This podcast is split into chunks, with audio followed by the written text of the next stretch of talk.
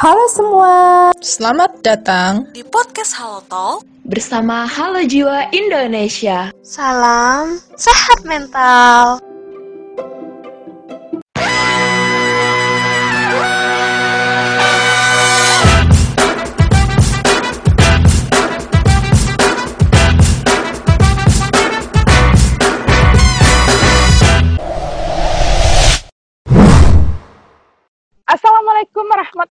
Wabarakatuh. Halo teman-teman, uh, halo jiwa. Alhamdulillah kita berjumpa lagi di podcast Halo Talk episode 8. Kali ini saya bersama dengan salah satu uh, teman saya yang tidak kalah keren dan tidak kalah menarik juga nih pembicaranya kita nanti. Ada Isma Kamarudin. Say hello. Halo, halo sahabat jiwa. Eh, sahabat halo jiwa ya, sahabat halo jiwa.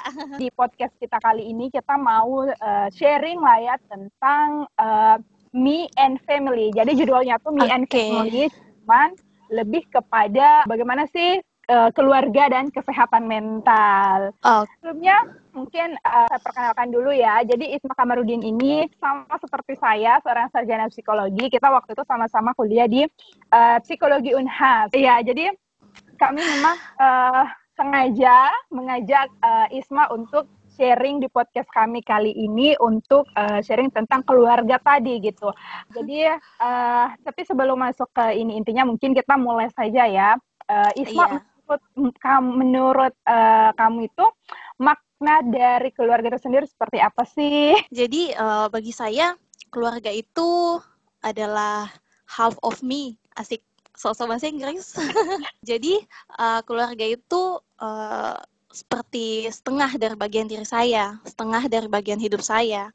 Kenapa saya katakan demikian? Karena saya tumbuh dan besar sampai sekarang ini tidak terlepas dari tangan dan peran keluarga saya. Inilah yang saya pegang dan bagaimana cara saya berpikir, mengambil keputusan pun juga tidak terlepas dari didikan keluarga saya. Mm-hmm. Saya bisa bangkit sampai hari ini pun juga sebagian energinya dari keluarga saya. Itulah kenapa saya katakan keluarga itu saya maknakan sebagai bagian dari diri saya, sebagai sebagian dari diri saya.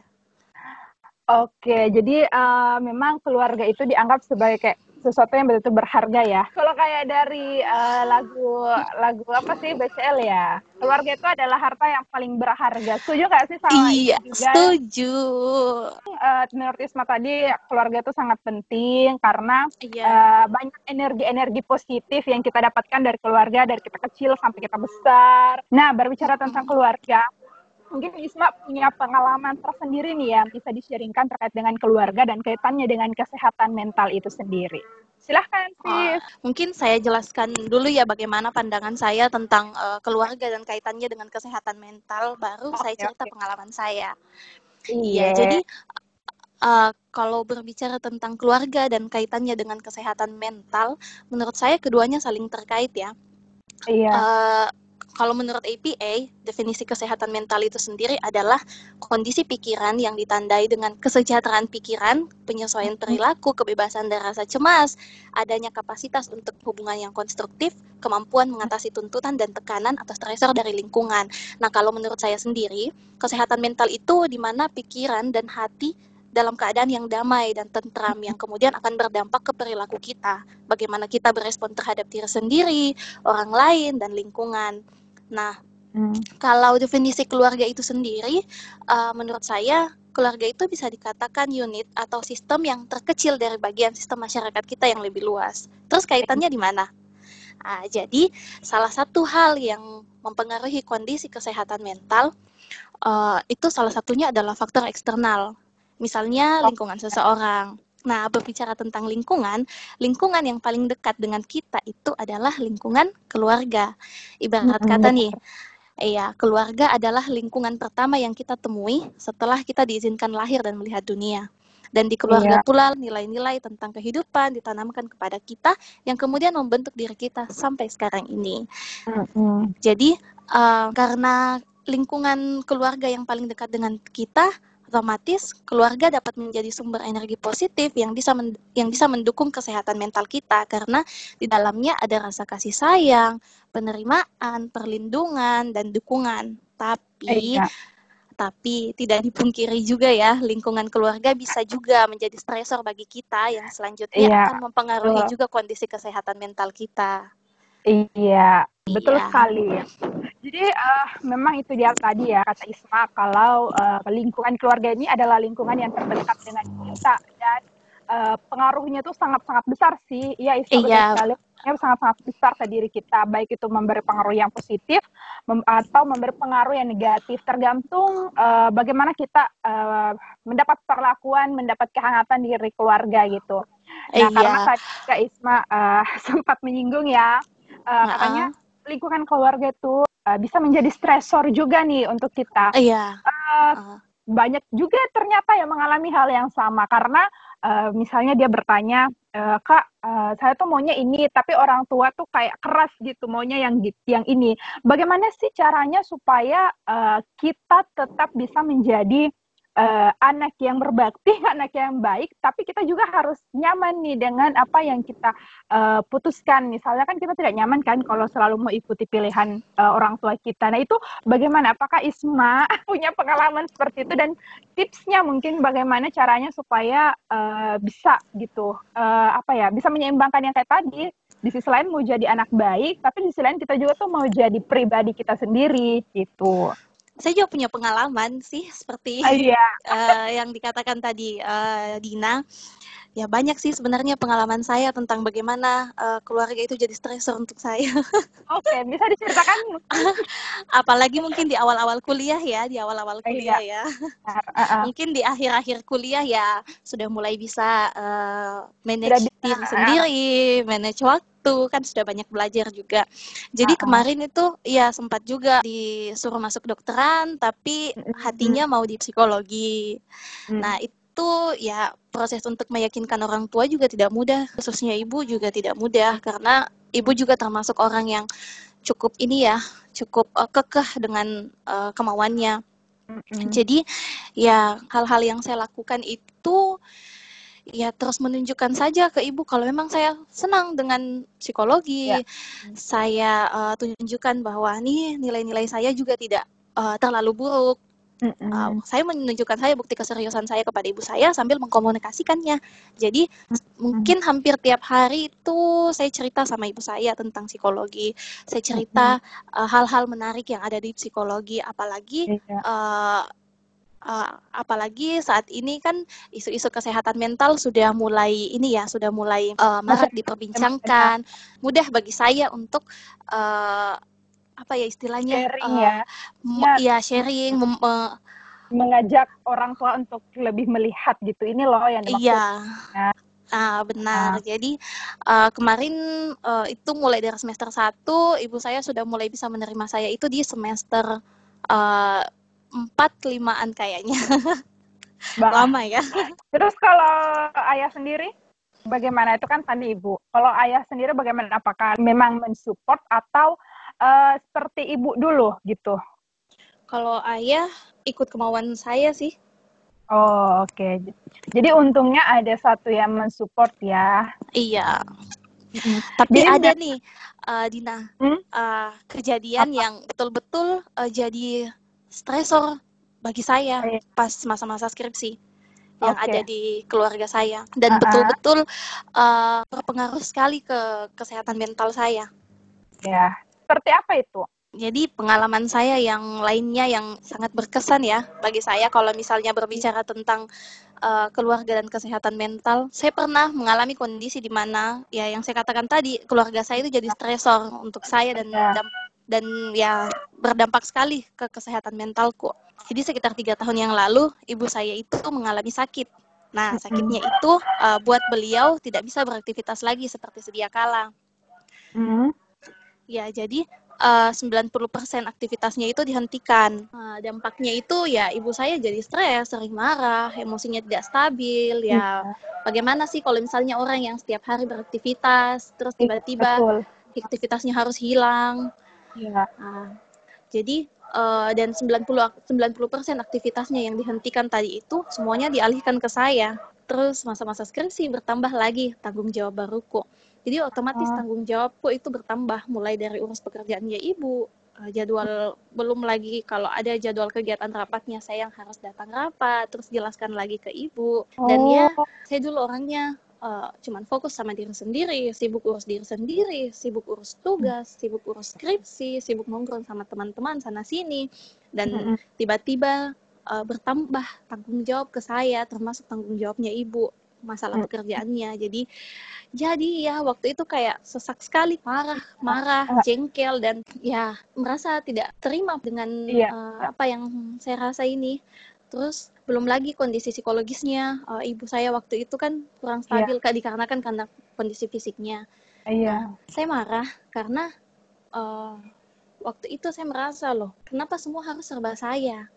Iya. kan yang harus mengurus ini dan itu adalah ibu. Ini Mm. tanggung jawabnya ibu kan? Bukan Mm, tanggung jawabnya saya. Ini tanggung jawab ayah.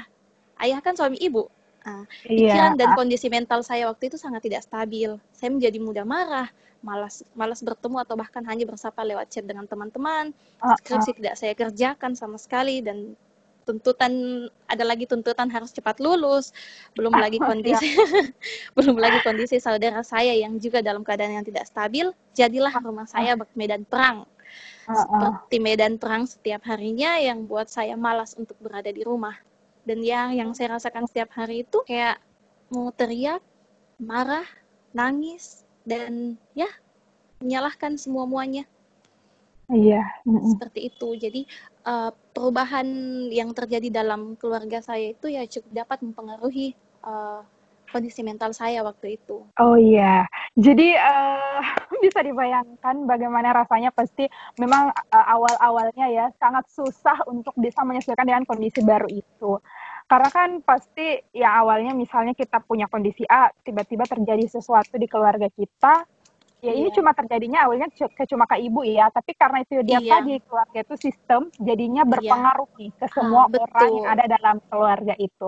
Jadi eh, itu dia sih memang teman-teman perlu digarisbawahi bahwa kalau kita dalam suatu sis- ke- dalam suatu keluarga itu itu kita berada dalam suatu sistem kita tuh nggak bisa bilang misalnya eh, kayak tadi mungkin penghayatan awalnya Isma eh itu kan urusannya ibu ini kan itu kan Ah. urusannya ayah gitu tapi secara Betul. tidak langsung itu berdampak loh ke kita dan mau tidak mau karena kita bagian dari keluarga itu ya kita harus berbuat something gitu untuk Iya, ma- eh, bisa tetap memperbaiki kondisi dan merawat eh, kondisi itu gitu meskipun sulit tapi pelan-pelan.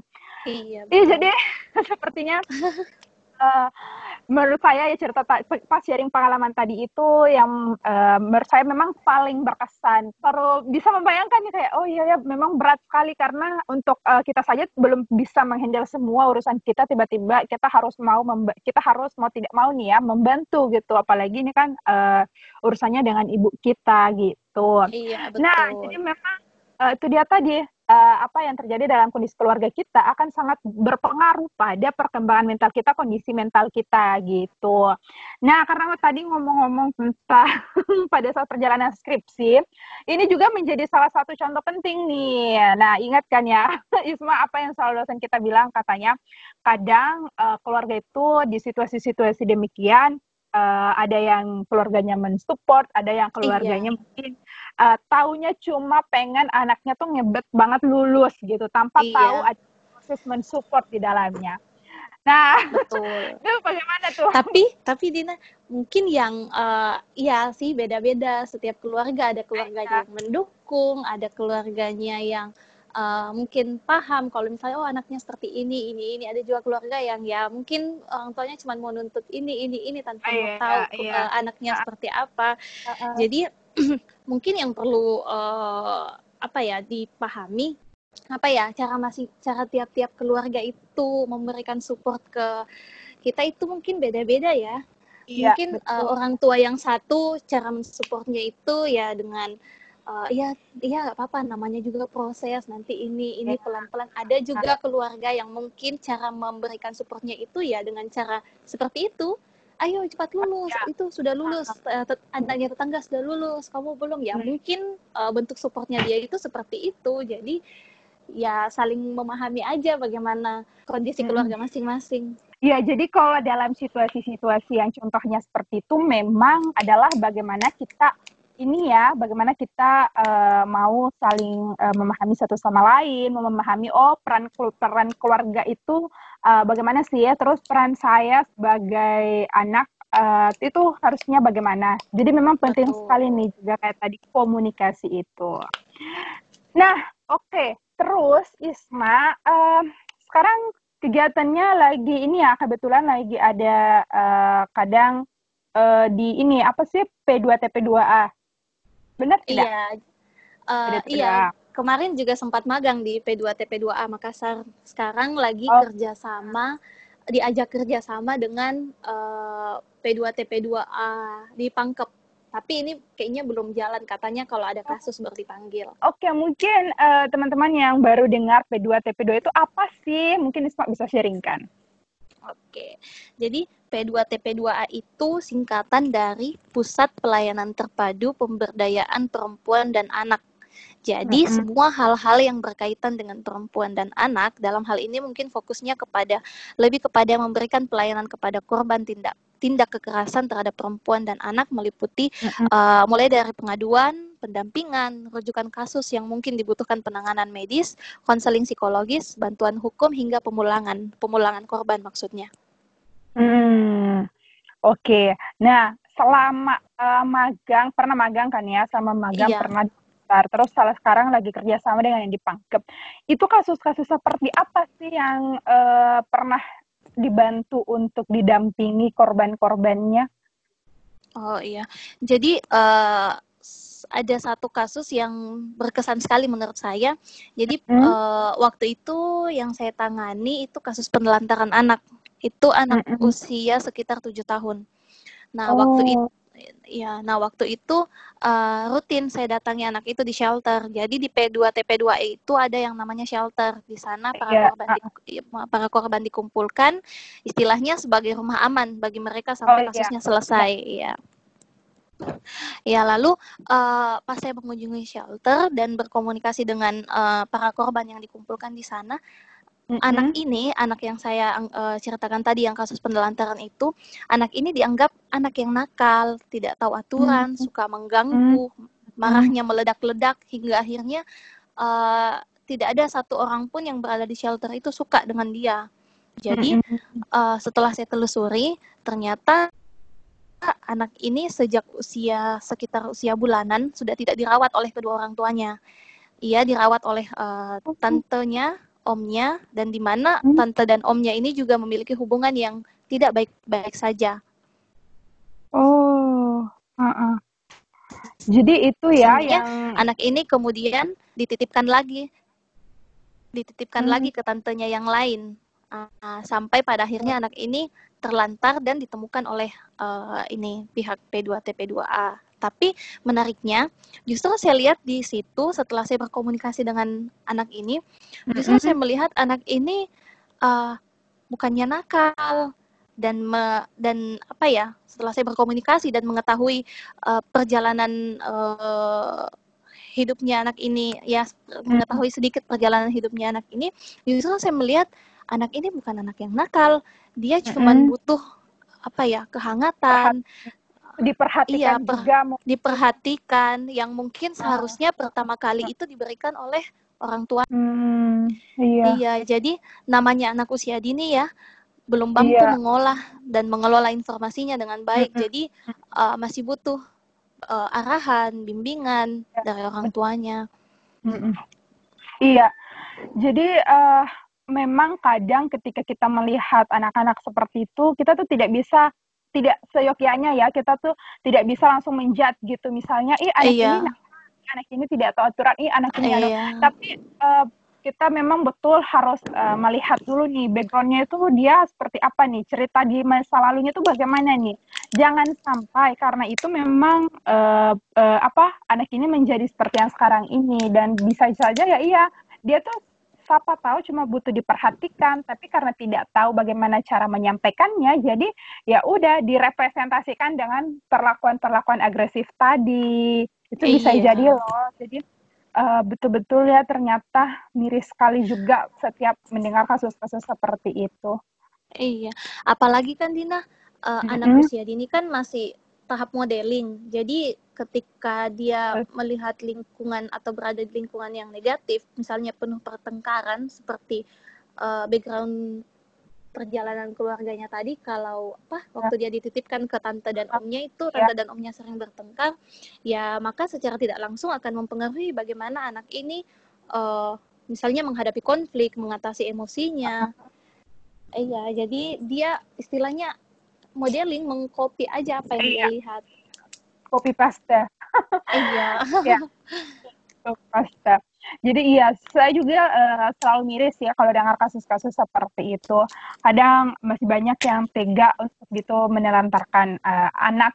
Sementara Padahal kan mestinya ini anak di apalagi di usia seperti itu ya masih butuh nih tempat terhangat dan ternyaman dia kembali gitu. Iya, nah jadi uh, just info saja untuk teman-teman juga yang mungkin mendengar podcast kami kali ini, uh, siapa tahu ya ada yang menemukan kasus-kasus demikian silahkan dihubungi uh, berkaitan dengan kekerasan perempuan dan anak silahkan dihubungi P2 TP2A di daerahnya. Masing-masing di daerah itu pasti ada ada layanan itu. Atau paling tidak melaporlah ke yang uh, bidang perlindungan anak dan perlindungan perempuan gitu di dinas pemberdayaan perempuan dan perlindungan anak masing-masing daerahnya. Nanti itu akan dibantu untuk pendampingan dan kemudian dibantu untuk termasuk tadi ya proses penyelesaiannya bagaimana apakah mungkin dilanjutkan ke dirujuk atau mungkin iya, dipulangkan atau seperti apa gitu.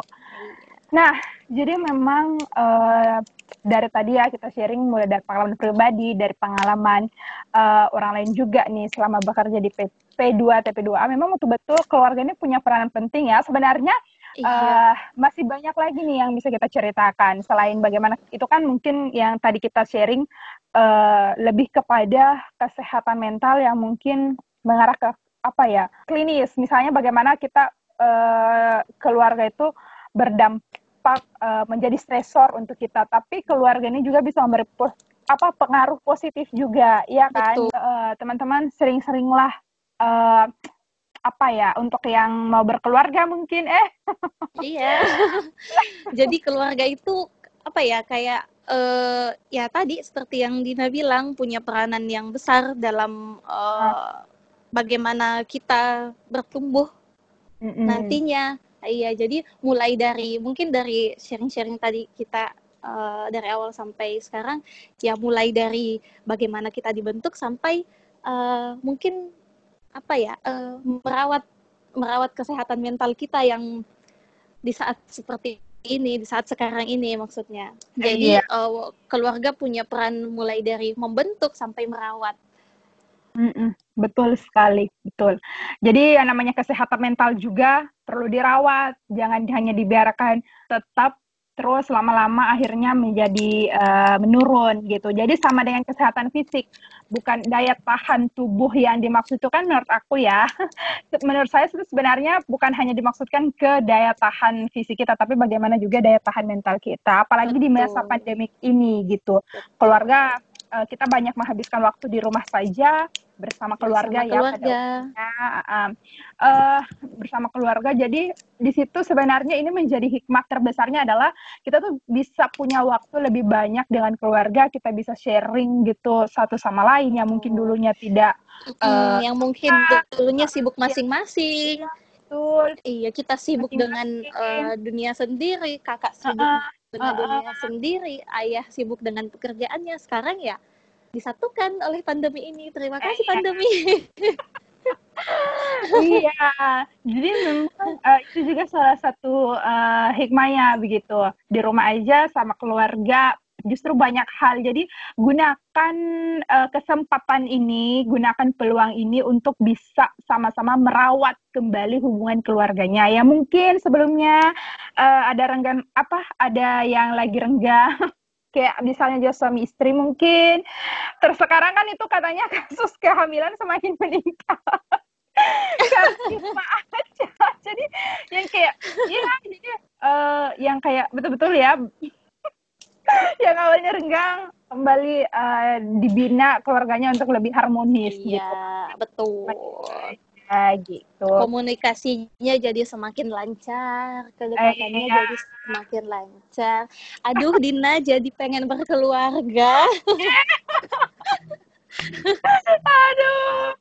Iya, jadi itulah memang bahas tentang keluarga ini sebenarnya selalu menarik karena uh, mulai dari kayak kita ini oh ya tadi juga uh, kita kan banyak bahas bagaimana sebenarnya orang tua ke anak ya, tapi sebenarnya dari keluarga itu uh, di, di dirawatnya kesehatan mental itu dari ya dari itu dari proses awalnya memang misalnya dari kita mulai menikah, Iya, anak. betul. Nah, itu kan betul.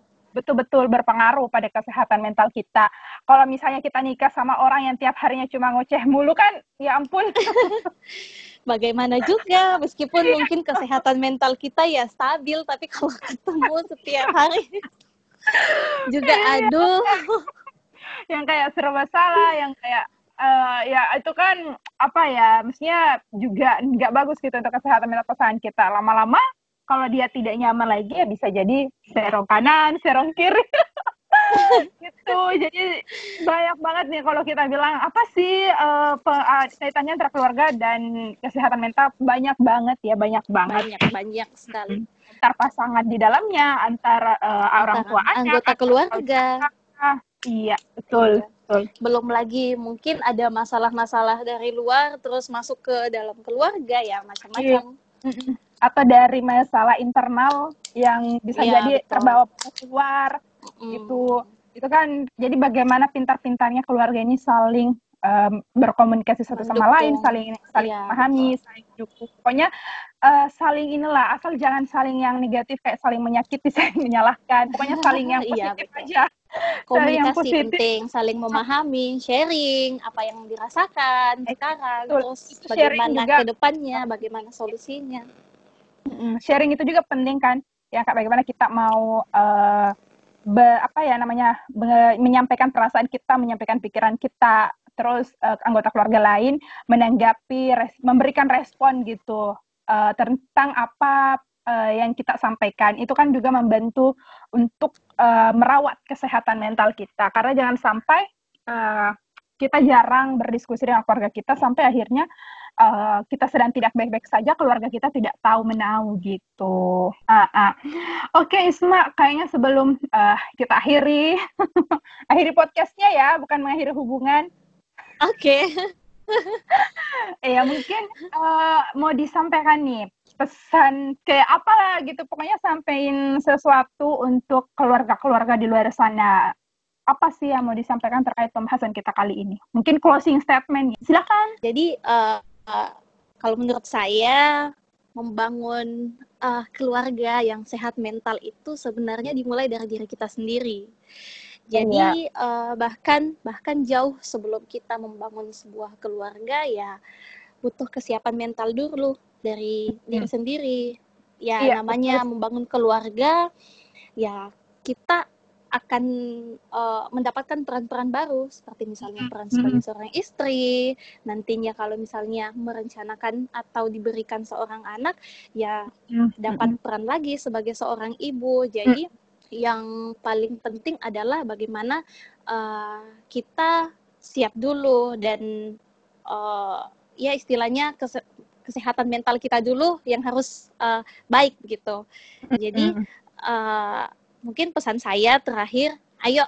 sama-sama kita merawat kesehatan mental untuk menciptakan keluarga yang sehat mental juga, sehingga nantinya akan tercipta energi positif. Nah, tapi tidak hanya sampai di situ.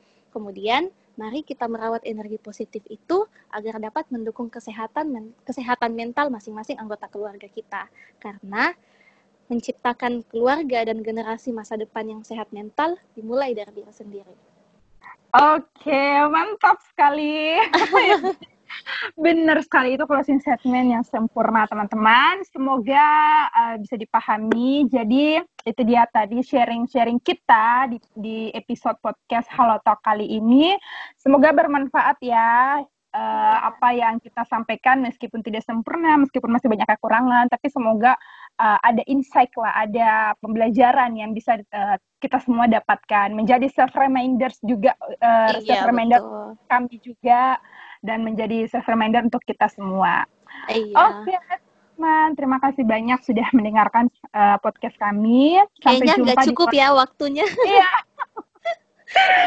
Udah kalau kita berdua memang yang saling sharing memang seperti itu teman-teman. Jadi harap dimaklum. harap di, tapi nggak apa-apa. Semoga uh, itu dia tadi bermanfaat lah ya pokoknya. Okay, Semoga iya, kita lakukan betul. ini bisa memberi perubahan secara pikir, pola pikir dan tingkah laku. Oke, teman-teman, terima kasih banyak. Sampai jumpa di uh, episode berikutnya. Terima kasih juga untuk Isma. Terima kasih, teman-teman. Dadah. Oke, dadah. Waalaikumsalam warahmatullahi wabarakatuh.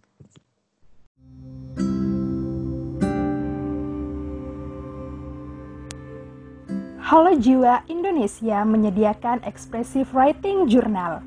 Ini adalah notebook refleksi diri di mana kamu bisa mengekspresikan segala bentuk perasaan dan pikiran baik yang menyenangkan maupun yang tidak menyenangkan. Atau jika kamu kesulitan untuk bercerita dengan orang sekitar, ini bisa membantumu loh, sehingga kamu bisa memaknai peristiwa hidup secara lebih positif. Selain itu, Halo Jiwa Indonesia juga membuka program bernama Ruang Refleksi Online. Ini adalah wadah untuk membantu kamu yang sedang merasa tidak stabil secara mental atau hanya sekedar butuh teman bercerita dalam bentuk percakapan. Untuk info lebih lanjut, silahkan follow Instagram Halo Jiwa Indonesia atau Twitter Halo Jiwa. Eits, tidak hanya kedua hal itu saja, Halo Jiwa Indonesia masih punya paket istimewa untukmu. Saat ini Halo Jiwa Indonesia sedang bekerja sama dengan Relief, yaitu aplikasi meditasi dan konseling dengan psikolog profesional dan berlisensi dari Himpunan Psikologi Indonesia. Kamu dapat berlangganan aplikasi ini menggunakan voucher dari Halo Jiwa Indonesia yaitu Halo Jiwa Relief untuk mendapatkan diskon 20% sehingga kamu bisa berlangganan fitur Relief secara lengkap. Aplikasi Relief bisa kamu dapatkan dengan download melalui App Store atau Play Store.